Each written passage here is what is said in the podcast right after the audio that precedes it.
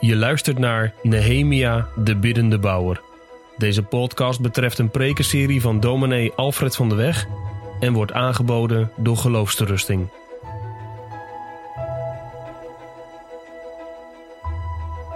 We openen dus vanmiddag de schriften voor de derde keer in het boek Nehemia. Bij hoofdstuk 3, maar we beginnen te lezen bij hoofdstuk 2. Vanaf vers 11 en we lezen door tot hoofdstuk 3, vers 5. Natuurlijk hoort de rest van dat hoofdstuk er ook bij, maar het zou wel heel lang worden om dat ook in zijn geheel nu te gaan lezen. Dus Nehemia 2, vanaf vers 11. En we eindigen bij 3, vers 5. Inmiddels heeft Nehemia toestemming om te gaan naar Jeruzalem. Koning Artasasta heeft hem vrijgeleide gegeven. En dan komt hij in Jeruzalem aan. Vers 11. Ik kwam aan in Jeruzalem en was daar drie dagen. Toen stond ik s'nachts op, ik en enkele mannen met mij. Ik vertelde geen mens wat mijn God in mijn hart gegeven had om voor Jeruzalem te doen. Er was geen dier bij mij dan het dier waarop ik reed. Ik ging s'nachts door de dalpoort de stad uit, voorbij de drakenbron, naar de mestpoort en inspecteerde de muren van Jeruzalem, waarin bressen waren geslagen en waarvan de poorten door vuur waren verteerd. Ik ging verder naar de bronpoort en naar de vijver van de koning.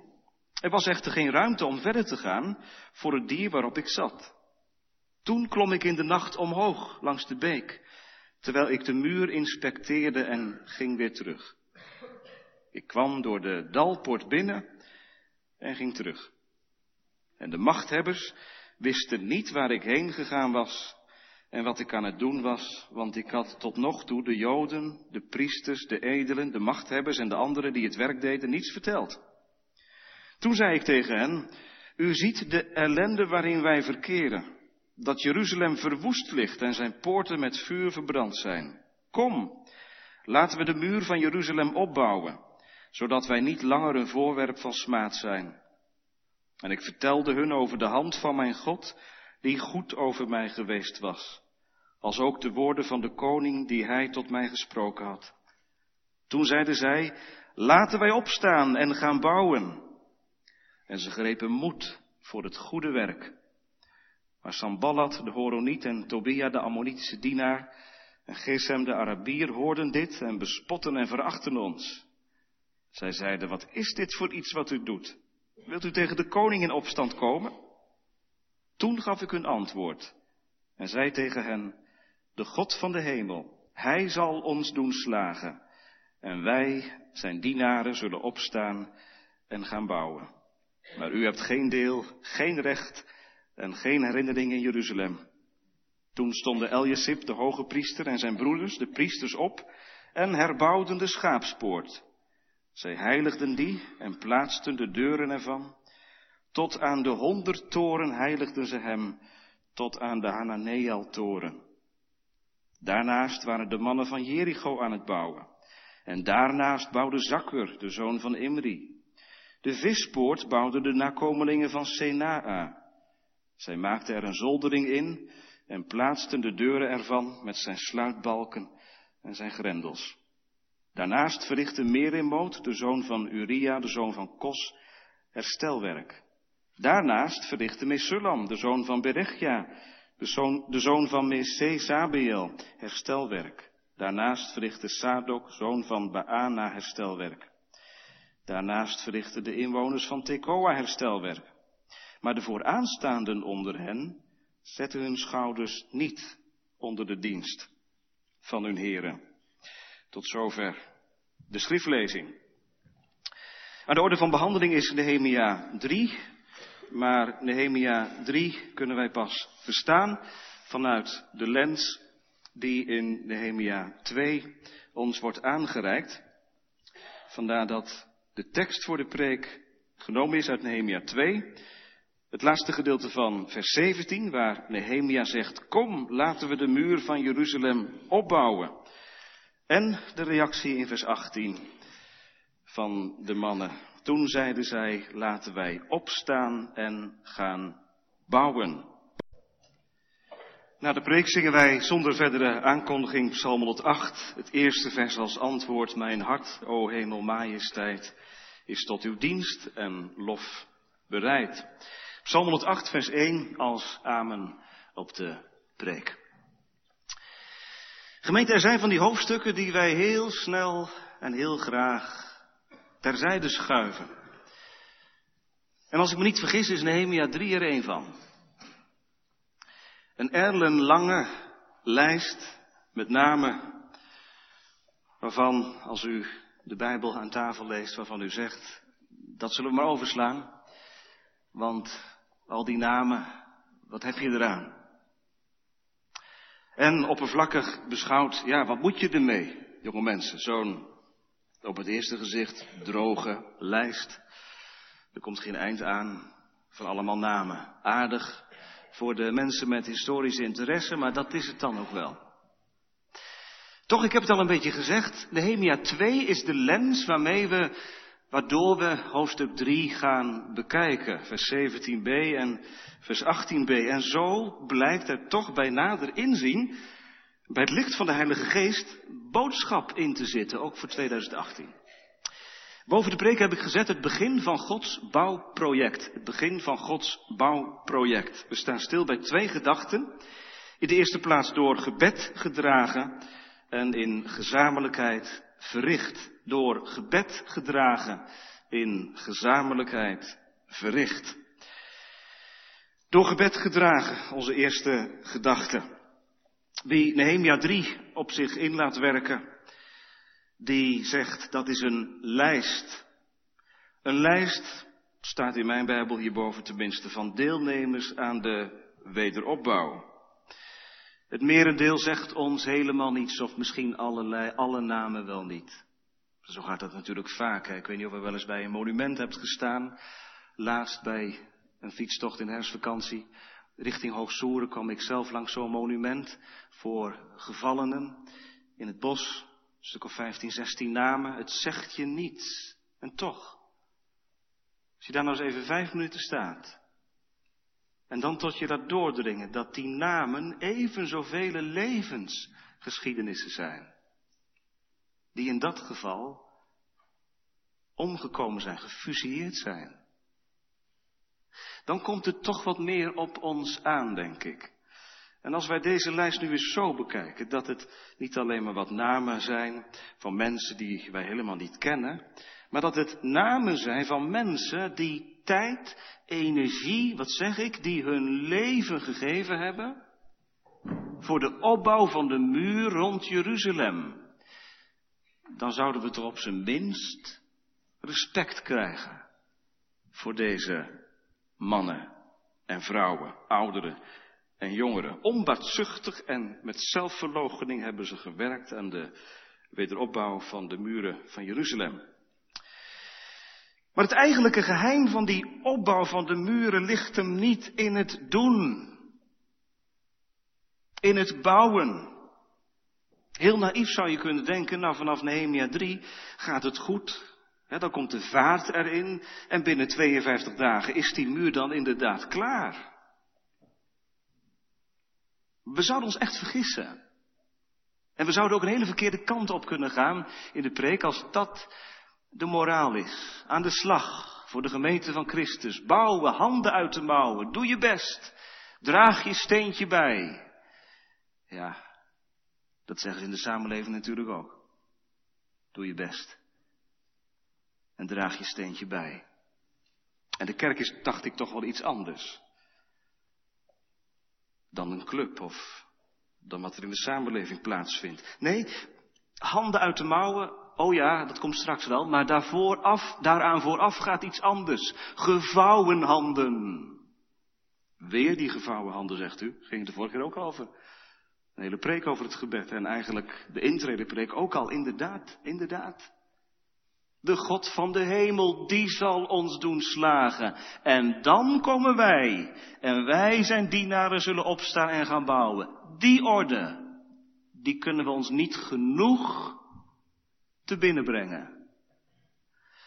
Het is een volgorde die wij nog wel eens omdraaien. Wij steken liever eerst de handen uit de mouwen En vouwen vervolgens de handen. Ik weet niet of u dat herkent. En dan mag God zijn zegen geven over dat wat wij misschien wel voor Hem doen. Dan draaien wij de orde om die Nehemia ons meegeeft vanmiddag. Natuurlijk, we beseffen allemaal Gods zegen nodig te hebben. Maar waar starten we? Waar beginnen we? Hoe is het gegaan met Nehemia dan? En wat moeten wij dan weten voordat wij aan Nehemia 3 toekomen? Nou dit. Dat Nehemia, nadat hij de vrijgeleide gekregen heeft van koning Artasasta, inderdaad naar Jeruzalem gegaan is en daar aangekomen is, dat lezen we ook in Nehemia 2 vers 11. Ik kwam aan in Jeruzalem en ik was daar drie dagen. Weet je wat dat betekent? Wat zou Nehemia daar gedaan hebben?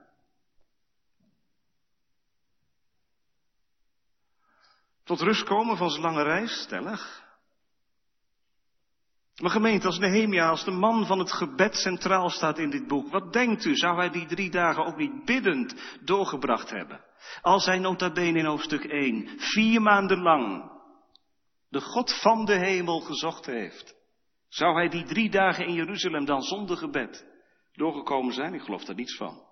Ik denk niet dat ik aan inlegkunde doe als ik vanmiddag zeg dat die drie dagen ook drie gebedsdagen zijn geweest.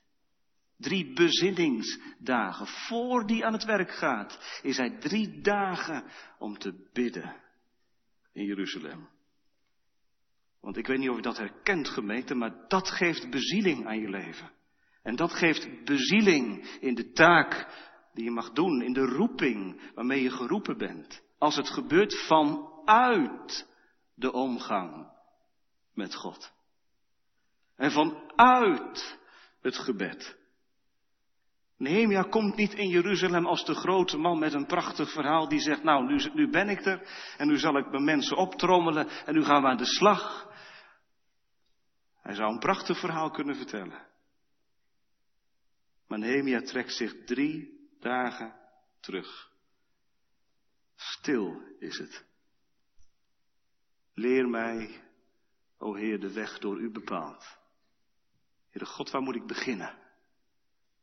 Wat moet ik doen? Wat moet ik niet doen? Waar moet ik naartoe? Moet je je voorstellen, die stad ligt in puin en jij komt er als, als klein mensje aan op, op je ezeltje. Waar moet je beginnen? En waar moet je eindigen?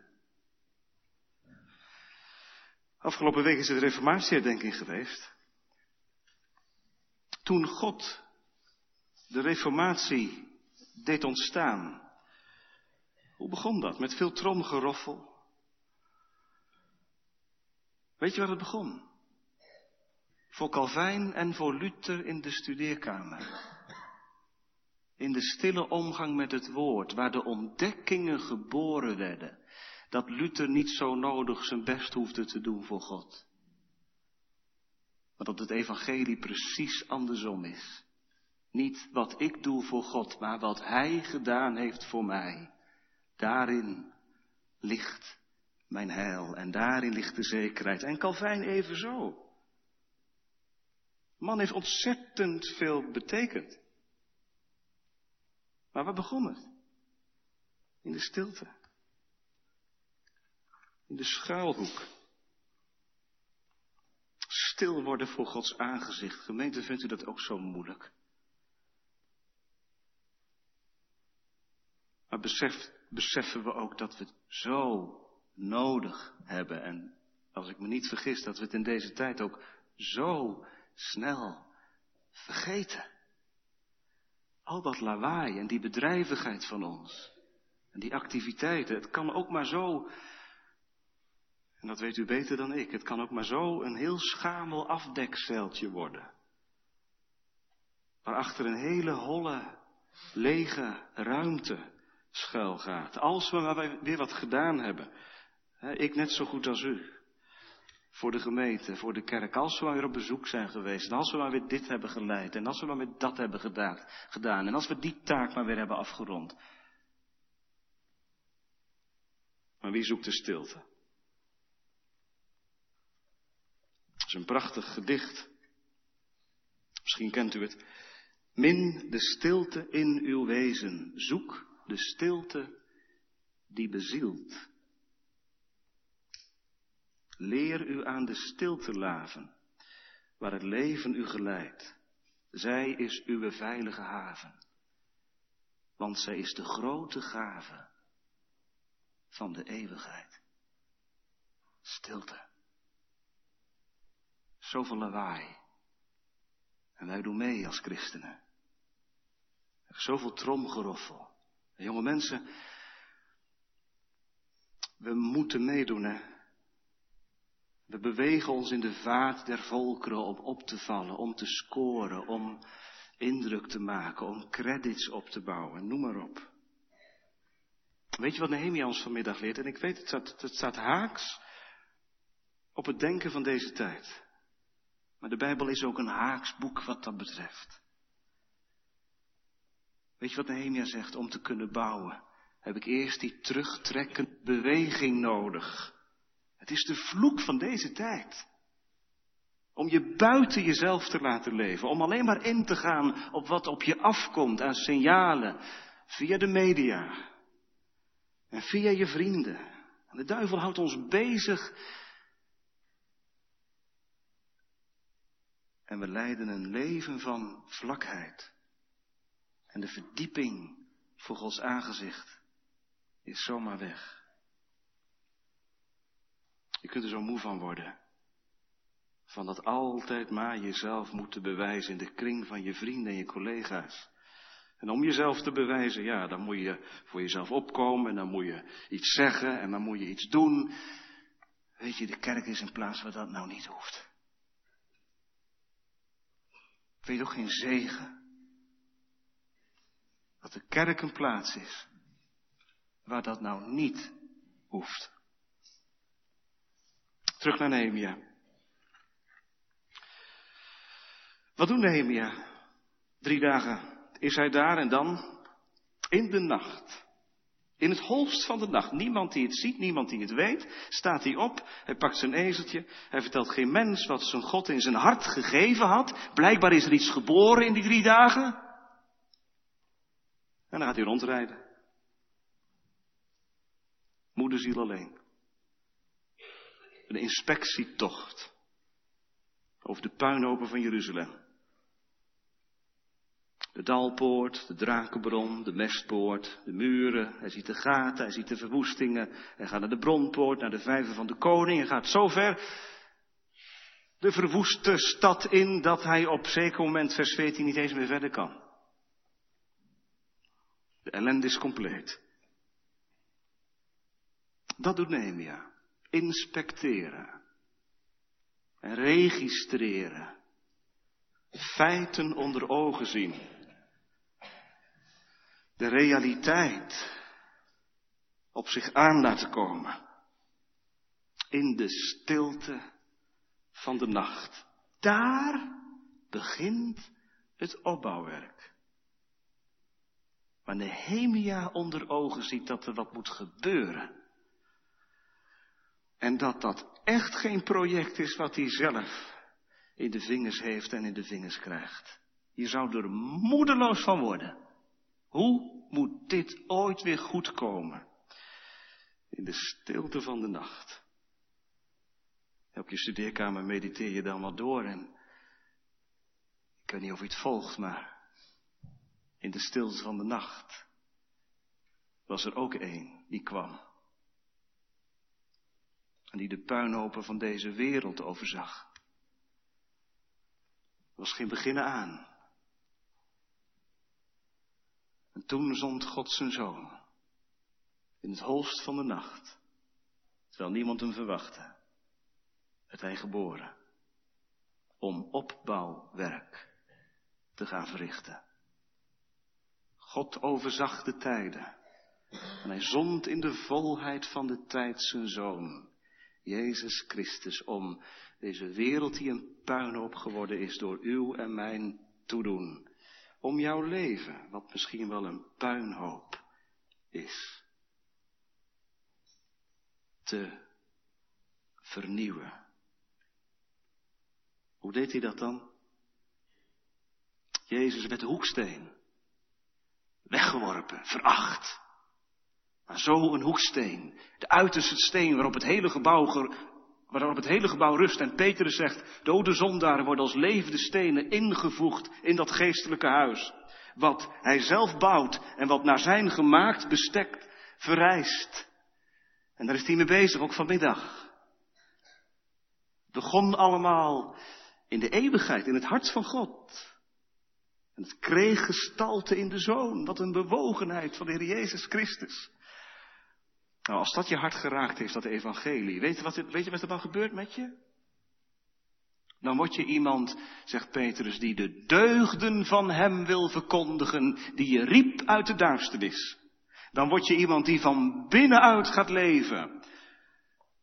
Die het geheim met zich meedraagt, gekend en geliefd te zijn.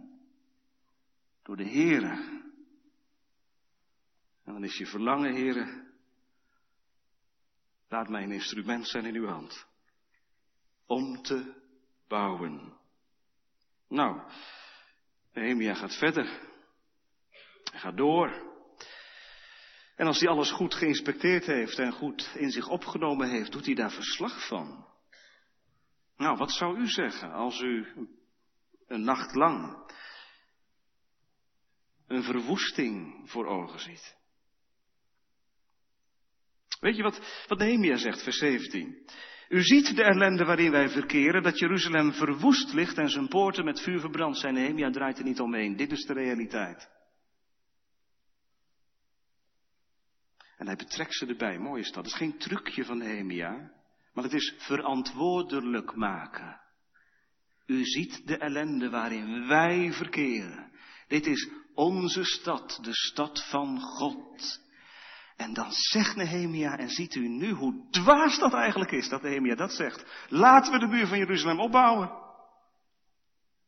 Zodat wij niet langer een voorwerp van smaad zijn. Dan gemeente, zou u het vreemd vinden als er een paar mensen geweest zijn die gezegd hebben, Nehemia, dwaas. Denk je nou echt dat dat gaat gebeuren? Dat lees je niet, je leest wel iets anders. Dat de oproep van Nehemia beantwoord wordt met laten we de muur bouwen. En ik geloof dat dat komt. Dat de geest dat werkt in de harten van die anderen, omdat Nehemia, kijkt u mee in vers 18, vertelt over de hand van zijn God, die goed over hem geweest was. Hij vertelt iets van de leiding van God in zijn leven. Hoe de Heere hem geleid heeft, stap tot stap. Het kan veel losmaken bij de ander als je iets vertelt over de leiding van de Heer in je leven. Onwrikbare stenen kunnen dan zomaar loskomen. Die God leeft nog, zegt Nehemia. Ja, en dan komt er wat op gang. Laten wij bouwen. Dat is het werk van de Heilige Geest. Die maakt dat krachtig tot uw dienst en tot uw lof bereid. En zo geschiet. Hij die Nehemia roept, is getrouw. Die het ook doen zal. Dat brengt ons bij de tweede gedachte. Het begin van Gods bouwproject in gezamenlijkheid verricht. Want dan gaan ze eendrachtig aan het werk. Wat een mensengemeente. We kunnen van Nehemia heel veel goed zeggen als het gaat om zijn binnenkant, om zijn geestelijk leven. Maar laten we ook ronduit maar zeggen dat, dat die man een organisatietalent is geweest. Dat kan niet anders. De muur heeft hij in 42 percelen verdeeld. U kunt het natellen in het hoofdstuk. En ieder stukje van de muur wordt gebouwd of hersteld door bepaalde mensen. Ieder is op zijn eigen plekje bezig. Niemand loopt elkaar in de weg. Er is over nagedacht. Nehemia geeft de orders. En de rest voert het uit. Bouwen en herstellen. Dat moeten ze doen. Zeven keer komt het werkwoord bouwen voor in dit hoofdstuk. Dertig keer het werkwoord herstellen. Er wordt gebouwd en hersteld. En wat valt ons dan op in Nehemia 3? Naast die vele, vele namen. Nou weet u wat mij opvalt in de eerste plaats? Dat ze beginnen bij de schaapspoort. Hebt u daar eens over nagedacht? De schaapspoort, kinderen. Wat was de schaapspoort voor poort? Nou, de naam zegt het al, hè? Schaap. Daar werden de schapen, daar werden de lammeren, daar werden de offerdieren door naar binnen gebracht op weg naar het heiligdom. Dat was de belangrijkste poort om de aanvoer van offerdieren te kunnen verzorgen. Waar begint Nehemia? Niet maar lukraak ergens. Niet maar bij de muur die het minst beschadigd is. Maar bij het stukje van de muur wat het meest essentieel is. Om straks in de stad weer de naam van God te laten wonen. Om die tempeldienst weer te kunnen herstellen. Daarom moet de schaapspoort hersteld worden.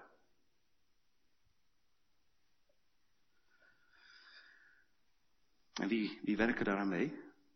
Valt u dat op? De hoge priester. En de priesters. Mannen die, zouden wij misschien zeggen, twee linkerhanden hebben. Maar ze gaan bouwen en herbouwen. Hoge priesters, de hoge priester en, ze, en de priesters. Zij herbouwen de schaapspoort en heiligen die en plaatsen de deuren ervan. Om zo straks de tempel te kunnen herstellen. De plaats waar God zijn hart toont. Als ik de lijn nou doortrek naar onze gemeente vanmiddag. En u preekt een beetje mee en u ziet de lijn al oplichten, denk ik. Wat is nou het meest essentieel? Wat is, waar gaat het nou om in de gemeente van Christus in 2018? Ja, dit is ook een gemeente met veel bedrijvigheid. Er wordt veel georganiseerd. En dat is mooi. Maar wat is het nodig om te beseffen als ambtsdrager, als broeders in de bezoeken, als leidinggevende van de kringen van de clubs, wat voor taak je ook hebt in de gemeente, dat het wel ergens om gaat, hè? En waar gaat het dan om? Om het hart van de zaak, om de kern van de zaak. En wat is dan de kern van de zaak? Hebben we dat scherp? Nehemia zegt, Gods naam moet daar weer wonen. Het moet weer gaan cirkelen, zeg ik dan, nieuwtestamentisch vanmiddag, rond Christus. Iedere keer moet ik maar vragen, ook als dominee en als broeders, is Christus aanwezig in mijn verhaal? In wat ik ga zeggen, in wat ik ga doen, als ik de kinderen op de club voor me zie? Wat een taak. Wat een taak. Kan het kwaad om onszelf daar vanmiddag op te bevragen? Denk het niet. Dus niet alleen wat doe ik in de gemeente, maar ook hoe doe ik het. Want alles kan opgebouwd worden, maar het hart, daar gaat het om. Dat is de kern. En daarom zegt Nehemia eerst die schaapspoort, voordat de rest van de muren hersteld worden. Iemand zegt, ja, dat is echt iets voor ambtsdragers. U hebt ze ook net genoemd, ambtsdragers, leidinggevenden. Nou ja, ik ben maar gewoon gemeentelid dominee. Ik kom hier voor de preek, om eerlijk te zijn. Ik ben hier op zondag en dat is het dan ook wel. En ik vind dat eigenlijk ook, nou ja, ik heb dat niet zo meegekregen van huis uit. Ik ben er niet zo gewend. Maar gewoon gemeentelid. Nou, dan moet u Nehemia 3 nog maar eens even lezen. En dan moet u zich maar eens afvragen wie daar allemaal aan meegewerkt hebben, aan de herbouw van de muur. Zal ik het u vertellen? Ik lees van apothekers. Ik lees van kooplieden. Ik lees van goudsmeden. De gewone man, de bouwvakkers, de hooggeplaatste, de mannen en de vrouwen, want die komen ook voor in Nehemia 3. Kijk maar in vers 12. Er zijn ook dochters aan het werk. En er zijn niet alleen ouderen aan het werk, er zijn ook jongeren aan het werk. Iemand heeft dus onderzoeken naar gedaan. Meer dan 30 groepen uit de bevolking, uit de bevolkingsopbouw van toen. 30 verschillende groepen, die zijn aan het werk 52 dagen lang aan die muur. En iedere keer lees je, misschien is het u opgevallen bij de schriftlezing, daarnaast, daarnaast, daarnaast. Een van de verklaarders zegt, dat laat iets zien van de gezamenlijkheid. Ze werken niet alleen letterlijk naast elkaar, maar ze werken ook hand in hand, als het ware, eensgezind. Staat de vertaling zegt, aan zijn hand, aan zijn hand werken ze. Eensgezind. Mooi is dat. Nou, dan kan niemand zeggen, denk ik, ja, de opbouw van de gemeente, dat is iets voor de kerkenraad of voor de dominee. En die moet zijn best maar doen. Dat is een taak van de gemeente ook, blijkbaar. Van iedereen. Ja, iemand zegt Nehemia 3 is wel een heel rooskleurig verhaal, dominee. Het gaat dan allemaal zo makkelijk van een leien dakje, maar ja, u kent onze gemeente nog niet zo goed. En bovendien, het is in iedere gemeente wat. Mensen zijn tegenwoordig niet meer zo te, te porren overal voor. Nou, laat ik u uit de droom helpen. Ik, we lazen vers 5. Ook in Nehemia 3 is het niet allemaal roze geur maneschijn. Kijkt u maar mee. Daarnaast verrichten de inwoners van Tekoa herstelwerk, maar de vooraanstaanden onder hen zetten hun schouders niet onder de dienst van hun heren. Er is blijkbaar een groepje geweest wat zich afzijdig heeft gehouden. Er staat niet bij waarom. Is het hoogmoed geweest? Eigendunk?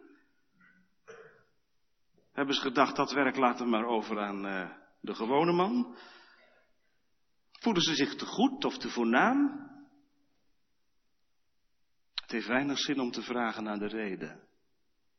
Maar het is wel schrijnend, gemeente. En daarom legt de Heer daar vanmiddag de vinger bij. Het is wel schrijnend dat er blijkbaar mensen zijn, toen en nu,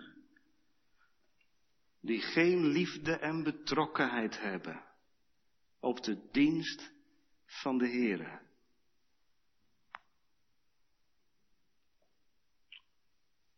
En dan moeten we ons afvragen, als dat er niet is, is er dan wel betrokkenheid op de Heere zelf? Als er geen betrokkenheid is op elkaar, is er dan wel betrokkenheid op de levende God? Kinderen, voorbeeld, uh, stel je voor, je hebt een fietswiel, daar zitten allemaal spaken in, hè? Allemaal spaken. En die spaken die lopen allemaal naar het middelpunt, naar de kern, naar de naaf. Nou, hoe dichter die spaken bij elkaar komen, hoe dichter ze bij de kern zijn. En hoe dichter ze bij de kern zijn, hoe dichter ze bij elkaar zijn. Dat klopt, hè? Kijk maar naar je fietswiel. Dat een beeld. Hoe dichter bij Hem, hoe meer ik leef vanuit de omgang met Hem, hoe meer ik ook oog en hart krijg voor die ander. Hoe verschillend die ander ook is. Want dat is wel duidelijk. Nehemia 3, dat is een verzameling van allerlei verschillende mannen en vrouwen. Het is in de gemeente net zo. variatie is zo groot en zo divers als er mensen zijn. En de een komt hier vandaan en de ander komt daar vandaan. Wat een verscheidenheid. En dat geeft niet. Laat de Victorkerk iets hebben van de spelonk van Adullam. Waar ook allerlei mensen en vogels van divers pluimage terecht konden. Dan lijkt de gemeente het meest, denk ik ook, op de meester. Die ook niet alleen maar de vooraanstaanden of de mensen die er voor het oog geweldig uitzagen, opzocht, maar in tegendeel met tien mensen gemeenschap onderhield, waarvan wij en u misschien zou zeggen, zouden met een boogje omheen lopen. Diversiteit, variatie. Het is ook in, het is ook in Nehemia 3 zo, die diversiteit. En toch is er eenheid. En hoe komt dat? Hoe komt dat? Hoe komt het dat er in gezamenlijkheid gewerkt wordt aan de opbouw van die muur? Omdat er een doel is. Omdat er één doel voor ogen staat. Het is niet alleen maar lotsverbondenheid, het is ook geloofsverbondenheid. En als we dat doortrekken naar de gemeente van nu. Wat verbindt aan elkaar in alle diversiteit? En hoe zou de gemeente van Christus gebouwd moeten worden? Het kan zijn dat er iemand is die zegt, dominee, wat moet er nog gebouwd worden? Moet, eens kijken, we hebben een pracht van een kerk. Pastorie is eh, verbouwd. Je hoeft alleen nog maar een beetje bij te houden. En wat moet er dan gebouwd worden? U. En jij. En wij. Wij moeten gebouwd worden. Hoe gaat dat dan? Paulus zal laten zeggen, zo gaat de opbouw van het lichaam van Christus in zijn werk. Namelijk door ons in liefde aan de waarheid te houden. Om zo in alles toe te groeien naar Hem die het hoofd is, namelijk Christus. Daarom wordt er geschaafd en gebeiteld aan je leven, word je wakker geschud, word je gecorrigeerd, vooral onder het woord, op de huisbezoeken misschien wel, op de kringen waar je komt. Ja, en wie de terugtrekkende beweging maakt op zondag en door de week, die zegt daarmee ook iets natuurlijk, dat begrijpt u wel. Dat hoef ik u niet uit te leggen. Trouwens, een terugtrekkende beweging, Hoort dat erbij? We hebben samen toch beleden, ik geloof de gemeenschap der heiligen, dat is dat ieder zijn gave met vreugde en gewillig ten nut en tot opbouw van de naaste aanwendt. Neem mijn leven, laat het Heere toegewijd zijn aan uw eer. Neem mijn tijd, neem mijn handen, laat mij zijn een instrument in uw handen. Dat. Uit kracht die God verleent. Nee, dit is geen preek die in onheilig activisme eindigt en zegt, en nu moeten wij aan de slag. Misschien is deze preek wel allereerst bedoeld om u en mij de terugtrekkende beweging te laten maken. Snapt u? Net als Nehemia. Het begin van Gods bouwproject is niet hals over kop aan het werk. Maar is vanuit de omgang met de Here. Biddend vragen, vragend bidden, tasten, worstelen, zoeken. Dat is uw weg. Dat is niet iets wat erbij komt. Als Christus je lief is, is dat iets wat je hart raakt vanmiddag? En je zegt ja, daar gaat het om. Dat die gemeente hier ter plaatse, die door Gods wonderlijke leiding, die achterliggende jaren gebouwd is, ook vandaag en in de komende tijd gebouwd wordt. En dat wij samen bemerken dat Gods goede hand over die, deze, zijn gemeente zal zijn dan is het antwoord eenduidig, als dat je verlangen is. Mijn hart, o hemel majesteit, is tot uw dienst en lof bereid. Hier ben ik, heren, tot uw beschikking, omdat er één geweest is, die het heeft gezegd, ook voor mij, zie, ik kom, om uw wil te doen. Amen.